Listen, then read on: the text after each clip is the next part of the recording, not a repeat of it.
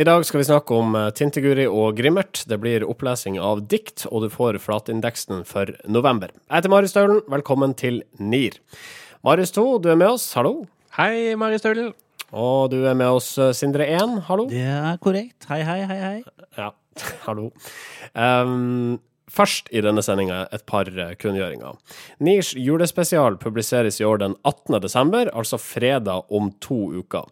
Eh, det blir siste sending for 2015, og vi er tilbake da, jeg vil tro, andre uka i januar. Vi gleder oss veldig eh, til innspillinga av den julespesialen, for da skal det synges. Ja, jeg driver og kvesser stemmebåndet, og Sindre øver på forførende dans, så dette, dette bør bli bra. Ja. Um, en kunngjøring til. Vi har fått en del kritikk på Facebook i kjølvannet av eh, forrige episode av denne casten.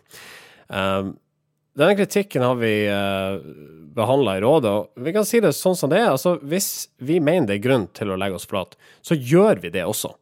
Så, såpass uh, ærlig skal vi være på det. Og det skal ja. vi gjøre nå. Tøflus er ikke en tøffel opp ned, slik jeg hevda i episode 131. Tøflus er en tøffel rett vei. Um, Takk for at du påpekte det, Bjarne Sutherland. Ja, og det, det, er selvfølgelig pinlig av oss. Det, det, sånn går det når vi snakker om ting vi ikke helt har peiling på og er veldig bastante uten å egentlig ha, ha grunn til det. Så det, det, beklager vi. Det er veldig sjelden vi gjør feil, men uh, når vi gjør sånne grove misser som det er, og måtte legger oss ut med, med sterke følelser som bor hos, uh, hos folk der ute, så, så, må vi bare beklage. Ja. ja.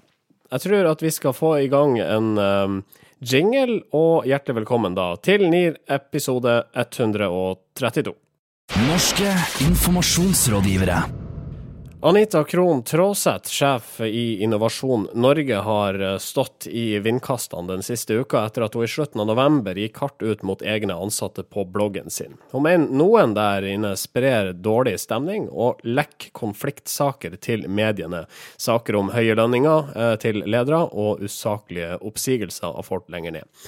Trollseth fikk en del støtte blant sine egne på bloggen Tinteguri, men har også måttet finne seg i en del tyn for måten å omhandle interne eh, konflikter eh, i det offentlige. Ja, eh, det har hun måttet tåle over mange spaltemetere, bl.a. i Dagens Næringsliv og E24. Så, og der bl.a. styrelederen i Innovasjon Norge har uttalt at han er ukjent med at det skal være en fryktkultur, som er en av de eh, påstandene Krohn Traaseth eh, kommer med. Han sier at det er en fryktkultur i Innovasjon Norge. Det kan ikke styrelederen kjenne seg igjen i. Og han mener det får stå for hennes regning at hun, eh, at hun mener at noen eh, sprer drittbakker fra Innovasjon Norge. Eh, samtidig så sier jo styrelederen at han har tillit til at hun skal gjøre den jobben hun er satt til. Han vil kanskje at hun i større grad skal jobbe som leder, og i mindre grad blogge om konflikter? Det ligger vel mellom linjene her. Eh, og vi tar jo opp denne saken her også fordi det er jo en ganske uvanlig måte å, å forsøke å, å, ta et oppgjør med interne forhold på. Eh, å gå ut i en blogg. Uh, samtidig så er det jo uh, Så tenker jeg at det, er interessant. Uh, det, det, må vel også reflektere et eller annet selvbilde. At hun, at hun, tror at hun har ryggdekning nok til å kunne gjøre det. Ja, for det, det var også min liksom, første tanke. Var sånn, først var det sånn Å ja, dette gjør hun for å redde sitt eget skinn. og, så, og så la jeg litt sånn vond altså, det å anta det verste, det la jeg til side og begynte å tenke litt ok, hva kan være egentlig grunnen her. Eh, og, og det som sannsynligvis kanskje har skjedd, er jo det at eh, det har jo vært veldig mye negativ omtale av Innovasjon Norge i det siste. Og det er veldig mye sånn interne opplysninger som har kommet ut i pressen, sånn som at ledelsen eh, tjener mye mer i lønn enn resten, at det er bråk internt, at det er blitt vært stevninger for usaklig oppsigelse osv. Det er ting som er lekket ut bevisst av noen. Og så kan det jo hende da at flertallet av de som jobber i Innovasjon Norge, ikke føler at all den negative omtalen faktisk er representativ for hvordan det er der. Eh, men selvfølgelig at konfliktmediehistoriene får veldig mye plass. Og da tenker jeg, hvis jeg er Anita Krohn Tråseth og føler på det, og vet at måtte, mange i organisasjonen, eller flertallet i organisasjonen av de som skal være igjen, ikke de som faktisk har sagt opp, for de vil jo være misfornøyd uansett, eller blitt sagt opp, hvis, hvis, hun føler at hun har ryggdekning på det, så er det jo faktisk en fornuftig grep å gå ut med. For det er jo høyt spill.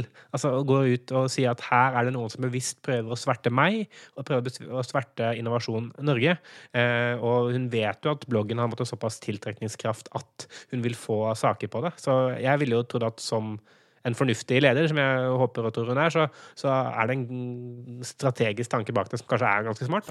Men altså, uh, Anita Krohn Traaseth, hun er virksomhetsleder her, og det er vel ikke utenkelig at mennesker som også eh, fortsatt beveger seg innenfor veggene borte hos Innovasjon Norge, altså folk som ikke er på vei ut døra, føler seg truffet og føler det kanskje noe urettferdig at Tråseth lufta skittentøyvasken ute i offentligheten heller enn å ta dette opp på bakrommet eller på intranettet?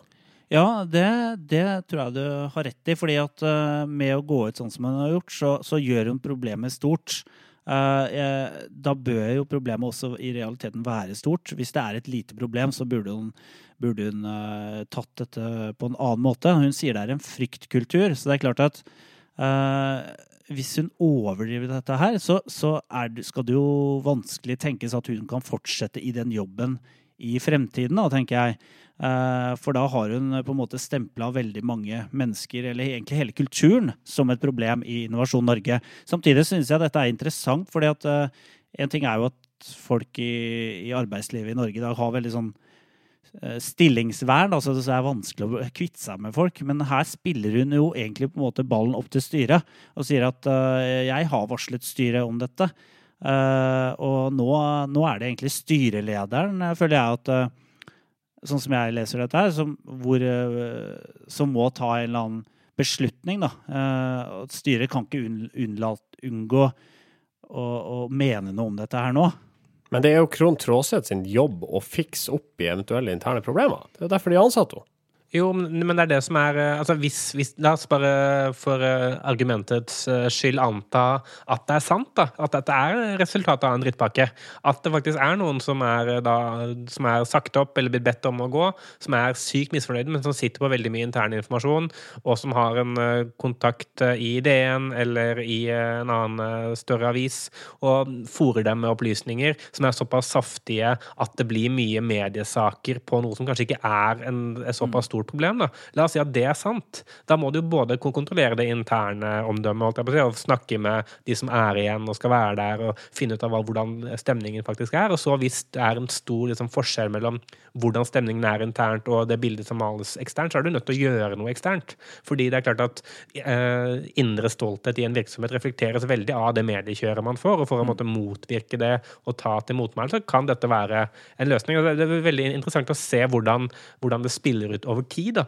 For nå er vi bare fortsatt inne i starten av det. Og det kan hende at det er smart grep. Det kan hende at det er helt feil, og at hun blir nødt til å gå fordi hun ikke har støtte internt. Det blir jo kun spekulasjoner. Men uh, altså, jeg tenker du kommer ikke dit som hun er, med mindre du er smart og fornuftig. Da. Og det, jo, det, er derfor jeg sier det håper jeg jo at hun er. Og da tenker jeg at dette sannsynligvis er mye mer gjennomtenkt enn det hun fikk kred for av noen eh, opprinnelig.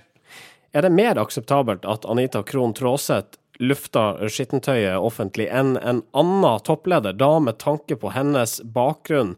Altså, hun, gjorde, hun var nesten mer kjent eh, enn arbeidsgiver da hun jobba eh, for HP pga. bloggen sin. Det er vel ikke utenkelig at også Innovasjon Norge så verdien i hennes altså, offentlige ansikt da hun fikk toppjobben der borte. Er det, er det mer greit for Anita Krohn Traaseth å gjøre det eh, på denne måten enn f.eks. konsernsjefen i Telenor? Ja, det, ja nei. I, I, utgangspunktet, sånn prinsipielt, så skal det ikke være det. Jeg ser for meg selv, der jeg jobber, hvis min sjef hadde gjort det samme. Uh, jeg ville reagert veldig kraftig på det og mislikt det antageligvis. Uh, og, så, så det, er, det, er, jo ikke, ikke greit, sånn, hvis du ser på det isolert, da, som, en, en ledelseshandling, uh, så er det ikke akseptabelt, da, syns jeg.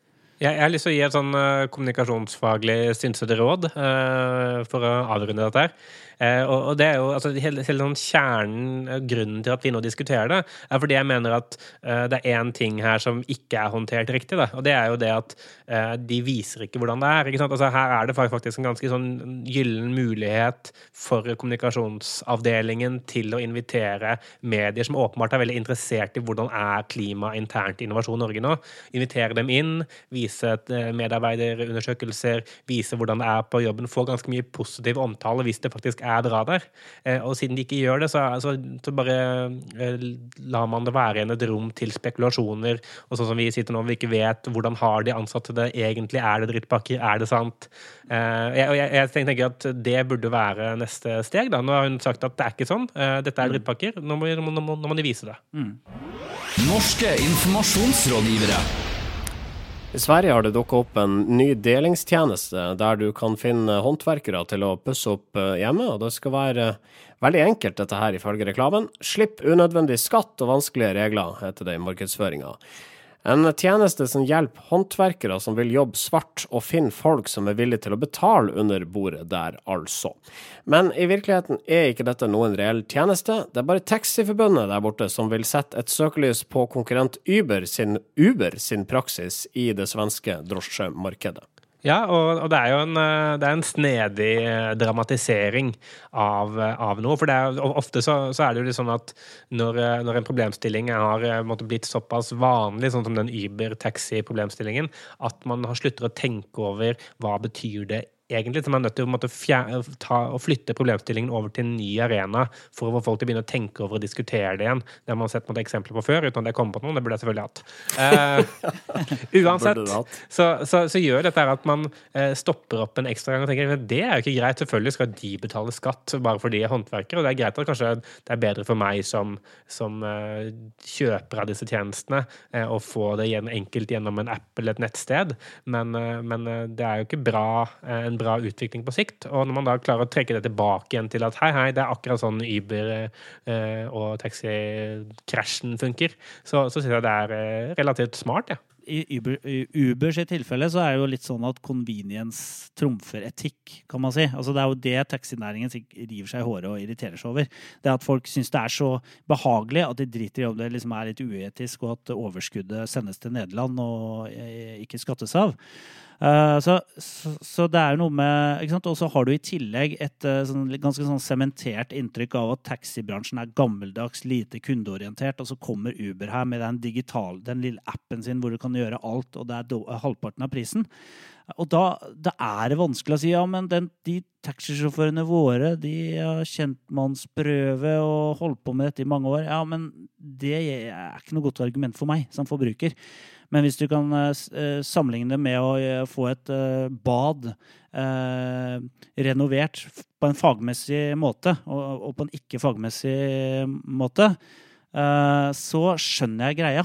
Da skjønner jeg ok, det har med, det har med trygghet å gjøre, det har med etikk å gjøre, det har med egentlig å bidra til, til fellesskapet gjøre. da. Du sier at taxibransjen oppfattes, oppfattes, som gammeldags. Uber kommer inn og er moderne, det er lett å betale, det er veldig, altså det er veldig eh, kjekt for kundene rett og slett å hive seg inn i en Uber-bil uh, sammenligna med en uh, taxibil. Uh, men altså på samme måte var det jo da uh, platebransjen holdt på å bli rasert, i hvert fall ifølge dem sjøl, av piratkopiering i sin tid. Altså, de hadde en gammel, utdatert tjeneste Um, og publikum etterspurte noe enklere. Pirat, uh, altså pirat uh, nedlasting av musikk i stedet, fordi at det er mye lettere. Så kom bransjen på, og så sa de det at uh, piracy kills music i de her gamle reklamene, men det hjalp vel egentlig ikke noe særlig? Nei, og det er for så vidt jeg egentlig helt enig med deg, fordi de, de sier jo det. Sånn, du ville ikke stjålet en bil, hvorfor eh, stjeler du da musikk? Eh, mm.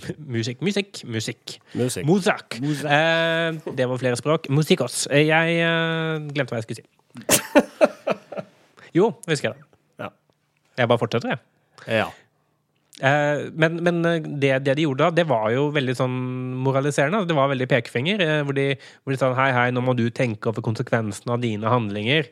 Og det var liksom hele tonen i filmen. Var sånn der skummel sånn svart-hvitt musikk og eh, en sånn der downloading-bar som eh, var veldig, veldig også skummel og, og skremmende. Alt, alt, var veldig sånn Det føltes litt skummelt. da. Her, her så har man jo faktisk fått folk til å tenke hei det var litt lurt. Og så ja. folk begynte å tenke vent litt, det er jo kanskje også litt eh, dumt at det faktisk er sånn. Mm. Eh, og så har de kommet med poenget, så folk har rukket å, ta det måtte, rasjonelle hoppet selv, da, fremfor at de må bli leid gjennom og bli fortalt liksom, Du ville ikke kjøpt håndverkere svart. Du ville ikke kjøpt en au pair svart. Du ville ikke altså sånn, og så videre. Eh, du ville ikke synes det var gøy hvis noen jobba svart for deg.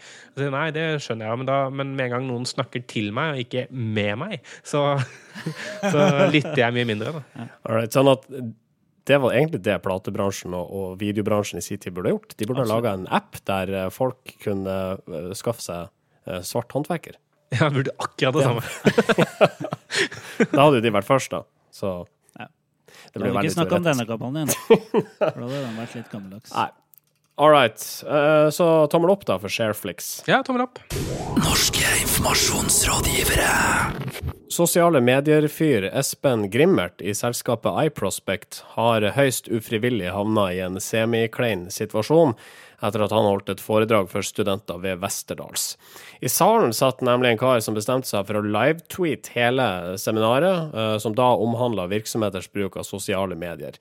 Et par av tweetsene her han sier TV er mindre populært enn det var før, så det kan være lurt heller å annonsere i sosiale medier. Og vi blir fortalt at hvis man skal reklamere for kjøkken på Instagram, er det viktig å ha gode bilder.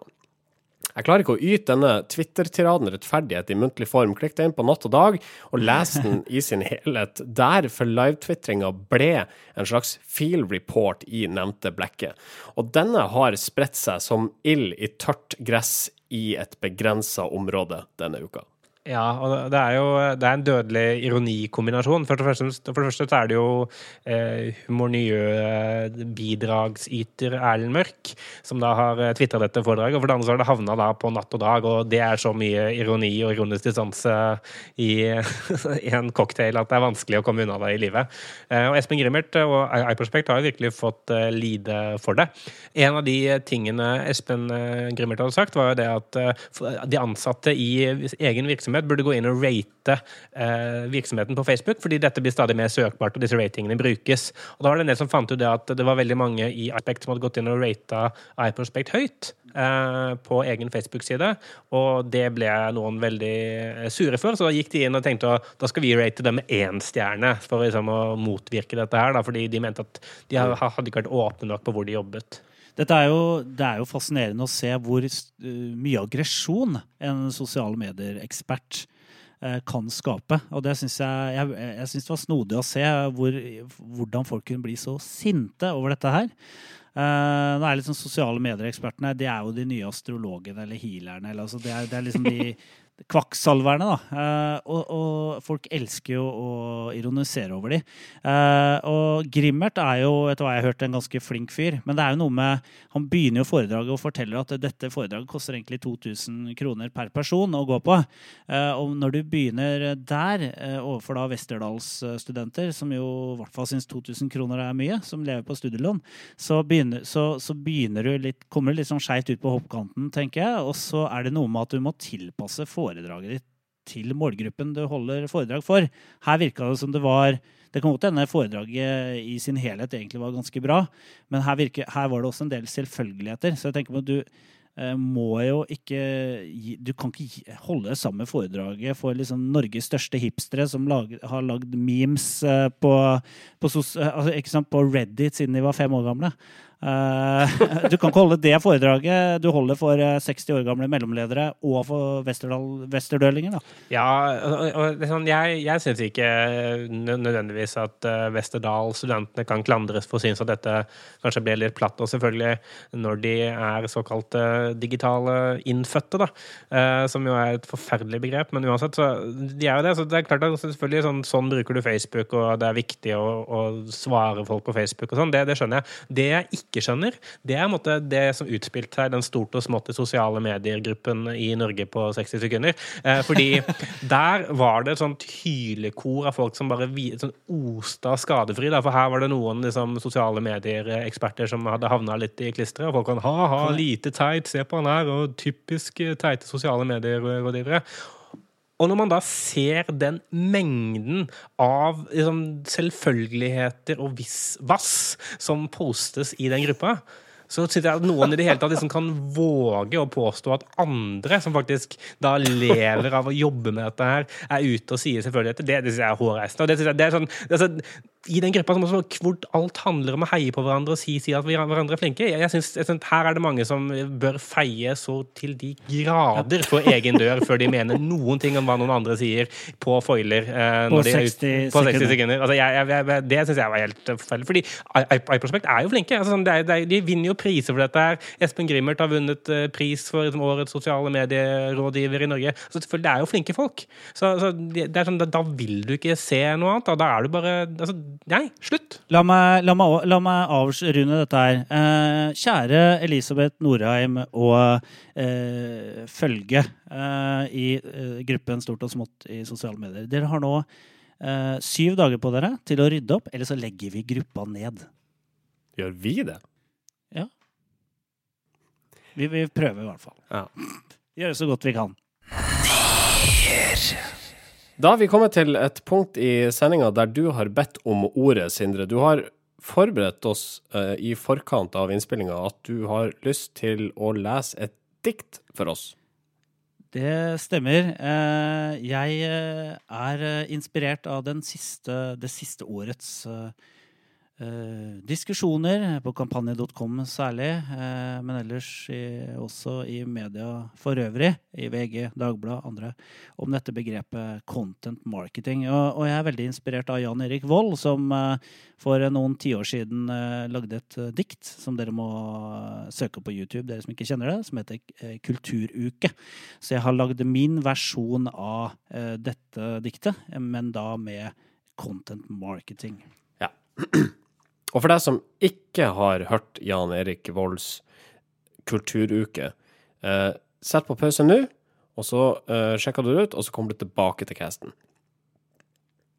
Da er du forhåpentlig tilbake i eh, casten, og vi gjør oss klar for Sindre Holmes eh, dikt 'Content Marketing'. Content marketing. Morken targeting. Gretten eh, Mingleknork, Carmen Gurkekurt, Sitting Turkemork, Mantra Kontragnukk, Monter Kuntegtitt, Gniten Korkeknok, Marken Guttetut, Gni en krumgutang. Hans Petter Nyknuk-tut, Petter Gulli-knurts, Torry Pederstut, Gunnar Stavrum-titt, Mark tett i endetarm. Content marketing. Okay. Dette syns jeg var flott. Jeg skulle egentlig filme det, eh, men så, så glemte jeg. Jeg ble opp, oppslukt i det du sa. Ikke helt uh, Ikke helt sånn i Jan Erik Volds fotspor, dette her. Jeg tror ikke du tok deg friheten av å legge til en del vokaler. Jeg gjorde det. Uh, jeg jeg syns det er nok til å søke dikterstipend fra staten, eller noe sånt. Kunstnerstipend. Uh, altså, det er jo, det er jo ikke, det er ikke, altså, det er ikke kunst. Jeg, jeg, kan jo ikke få støtte fra fri, verken Fritt Ord eller um, få stilt dette ut på Høstutstillingen hvis jeg hadde gjort det på akkurat samme måte. Da ville jeg bli beskyldt for plagiat. Ja. Nier. Det er du som utrydda den begalske tigeren, altså. Brukte du alle kommunens penger på PR-byrå? Flyttet du makt i favør av andre enn dine oppdragsgivere? Sendte du hatmail til innvandrere mens du satt i regjering? regjering? Dette skal ikke skje. I forhold til det så legger jeg meg flat. Det var ikke meningen at du skulle finne ut det. Jeg legger meg flat. Nå ble det veldig mye negativ presse. Jeg legger meg flat. Jeg tar det til etterretning og legger meg paddeflat. Jeg legger meg flat flatindeksen. Ja. I flatindeksen så oppsummerer vi månedene vi forlater i flatet, flathet, for det er et populært um, PR-faglig grep, dette med å legge seg flat for å unngå kritikk. Ja, det stemmer. Det er jo, eh, og det funker jo. Hvis du blir konfrontert med noe du har gjort galt, så er det bare å si 'jeg legger meg flat'. Det skulle aldri skjedd. Og så går pressen videre til neste person eller virksomhet eller idrettsutøver eller eh, lemur som har gjort noe galt. Mm. All right. Så, uh, vi teller antallet flatlegginger, og så trekker vi frem noen som vi synes stikker seg ut på uh, en, et eller annet vis. Og, og la oss begynne med uh, indeksen da for november måned, Marius. Hvor mange flatlegginger snakker vi om? Nei, eh, det, det, har vært vanskelig å skrape sammen spalten denne uken, eller denne måneden, egentlig, som gjør et godt tegn. Det var 18 uh, flatlegginger uh, totalt. Uh, og ingen av de syns jeg var sånn oppsiktsvekkende spennende. Så enten så er det litt sånn per, altså feil periodisering, så alt nå kommer i desember. At det plutselig bare blir sånn 200 i, i desember. Eller, eller, så har vi faktisk nå kanskje begynt å endelig begynne å chippe vekk eh, litt av denne flatleggingsepidemien som vi har sett. Eh, jeg tror for øvrig at 18 det må være en bunnotering. Jeg kan ikke huske et lavere tall siden vi starta med dette her tilbake i 2013, vel? Nei, ikke, jeg tror vi har vært nede på 19, men 18 det, det er oppsiktsvekkende lavt. Ja, for det er lavere enn 19. Og, og det, det, positive med det er jo det at jeg har ikke trengt å bruke så mye tid på det. Det negative med det er jo det at det er ikke så veldig, de sakene som vi da endte opp med å skulle presentere, er ikke sånn hyperartige eller så veldig sånn relevante for vårt fagfelt. Så det får bære over med det. Ja, Men jingeren er jo så bra at vi må fortsette med dette selv om det går ned mot null. Uh, vi får bare ta bare ta, hva skal jeg si, skryte av oss selv for at holdningsarbeidet vårt eh, funker. da. Ja, men Jingen er kun et virkemiddel, ikke et mål i seg sjøl. Marius, jeg foreslår at vi da gjør det slik at du trekker frem én av disse. Jeg kan uh, trekke frem én uh, så vi kan gå litt i dybden på, så kan jeg bare nevne de to andre kjapt. Ja. Uh, for nå har jeg funnet tre, liksom. Så da ja.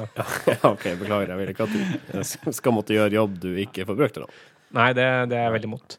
Så eh, en av de da som ikke når opp, det er da en uh, latvisk uh, vogntogsjåfør som knuste en pub i Måselv og må betale over 100 000 kroner i skader. Han knuste vinduer og interiør fordi han da fikk altfor mye servering. det er kanskje ikke nok Det er en personlig tragedie, kanskje, mer enn noe annet. Men vent litt, kjørte han bilen sin inn i den der? Nei, nei, nei, han var gjest. Uh, på ja, Det hadde vært uh, kanskje bedre, men han var bare full og kastet ting og, og ja. Og så havna han i avisa, og der la han seg flat? Ja, han var veldig lei seg for det som hadde skjedd. Så det er jo, om ikke annet, stort å stå frem. Ja, det må jeg virkelig si. OK. Uh, og så har jeg også lyst til å ta fram en uh, litt sånn uh, ja, Kall det artig sak fra Kommune-Norge, hvor uh, fylkesvaraordfører Olav Skinnes fra Senterpartiet han skulle bestille PC-utstyr til seg og sine kolleger, og endte opp med å bruke en kvart million, eller 250 000 som det heter i ikke-tabloidspråk, på dette PC-utstyret. Og dette har noen da reagert på, og mener at dette er altfor mye å bruke på PC-utstyr. Så Georg Smehus, da, eh, som er fylkesrådmann, han da går inn og får varaordføreren og sier at dette her skyldtes en misforståelse. Og dette, varen, disse varene datautstyret de har bestilt, det er ikke engang åpna, så det er nå sendt tilbake. Og de har bestilt seg nytt datautstyr, men dette koster bare 50 000. Eller en halv 100 000, som man også kan si. Det var en ganske betydelig reduksjon da, fra 250 til 50 000. Men hvis de nå får kjipe PC-er uh, som de ikke kan være effektive uh, på, så vil det jo gå utover deres virke. Ja, altså Nå må du ikke bruke Linux operativsystem og bare For det er gratis til alle. Bare kaos. Ja. OK. Greit, da trekker vi fram en, da. Ja, eh, førsteplassen eh, Dette er jo en litt eh, morsom sak, men det jeg vi kan koste på oss. Det er jo snart jul. Eh. Førsteplassen den går til eh, Black Debatt. Fordi eh, Black Debatt er jo en eh, satirerockgruppe med Espen e Egil Hegerberg i front. og de har blant annet en sang som heter 'Bytt kjøkkenklut oftere'. Eh, og, og, denne sangen har kvalifisert dem da til å være med i panelet når TV2 hjelper deg, tester de beste kjøkkenklutene.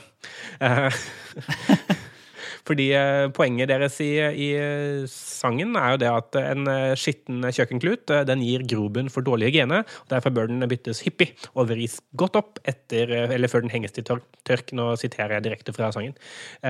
Så, så TV 2 Hjelper har testa ulike typer kluter. Blant annet en vanlig, vanlig sånn kjøkkenklut i bomull som du får kjøpt på hvilken som helst butikk. De har testa mikrofiberkluter, de har testa eh, kluter i chiffon osv. osv. Ja. Eh, Nå og, blir det veldig anmeldelsesbasert her. Ja, jeg, jeg, ser ingen flatlegging. Nei, men det kommer, skjønner du. Fordi eh, måten de har testet disse klutene på, er ved å eh, dra til øvingslokalet til Black Debate og vaske over eh, ulike flater der, og så måle hvor mye bakterier som var igjen i klutene etter et par dager. etter at de blitt liggende et par dager For å finne ut okay, hvor bra er det til å teste opp. Eh, det de da fant ut, er at øvingslokalet til Black Debate er utrolig skittent. og det var bakterier på det bordet som de mente det, de, de typer bakterier burde ikke finnes på et bord.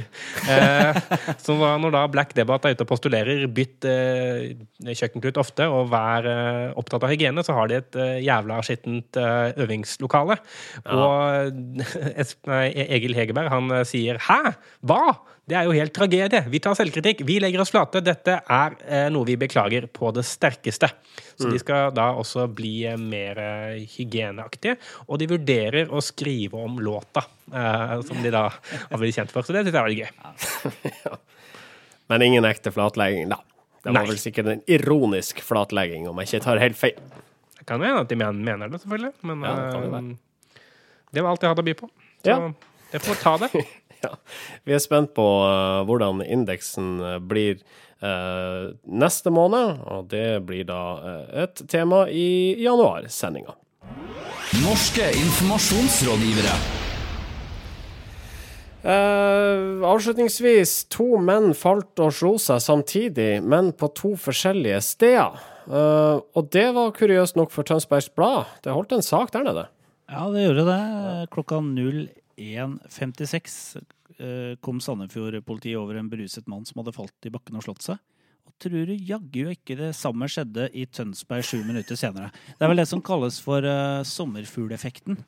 Altså at uh, ja, en hendelse kan få uh, ringvirkninger et helt annet sted, ja. i, altså i nabobyen. I dette tilfellet. Altså, jeg, jeg, lurer på når lokalavisene skriver slike saker, om, om de da oppriktig tenker ha, for et uh, fiffig sammentreff. Vi har en kjempesak. Uh, ja. Eller om du tenker hm, dette er såpass teit at nå får, dette får vi Facebook-spredning på. For det var jo en sak som tok av litt. Jeg så flere, i hvert fall. Jeg er fra Tønsberg, så jeg så mange som delte den der. Uh, og jeg, jeg, lurer litt på om det spekuleres i, for nå skal vi i tredjeutgaven av boka til Atle Antonsen og Johan ja, Golden. Ja, litt sånn som Justin Bieber fløy over Giske, eller hva det var. Ja, det var vel tull, var det ikke? Nei, det var, det var visst ikke Eller hva var det? Var det tull, eller var det ikke? Det var en ekte sak i den avisa. Altså, I dagens iron ironiske verden så er det umulig. Ja. Ironigenerasjonen er jo ja. nå har jo redaktørjobber rundt omkring, så det er jo helt umulig nå. Som du sier, å vite. Det er ikke content marketing som er, altså er utfordringa for demokratiet, det er jo ironisk eh, journalistikk. Ja, det er det. Jeg har lyst til å bare ta, ta med en kommentar fra kommentarfeltet under saken, hvor Knut H. Arnesen sier TB, som da er det vi fra Tønsberg kaller Tønsbergsbladet. Eh, TB vinner nok skup på denne fantastiske nyheten! Utropstegn. Jeg er mektig imponert over slik informasjon. Parentes.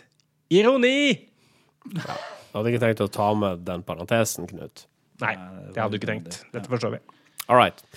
Vi skal sette en uh, strek for denne sendinga her, og så er vi tilbake igjen om ei uke. I mellomtida, klikk deg inn på facebook.com slash Nearcast. Der finner du alle episodene våre. De finner du selvfølgelig i iTunes og de, i de fleste andre podcast directories der ute også. Eh, og vi har lagt ut eh, videojingeren til Flatindeksen, som eh, vår venn eh, Chris Eliassen laga til oss i forkant av dette liveshowet vi hadde eh, i, under høstseminaret. Sjekk ut den. Den er eh, like sær som vi er. Da setter vi strek. Vi høres om ei uke. Frem til da. Ha det, ha det bra. Norske informasjonsrådgivere.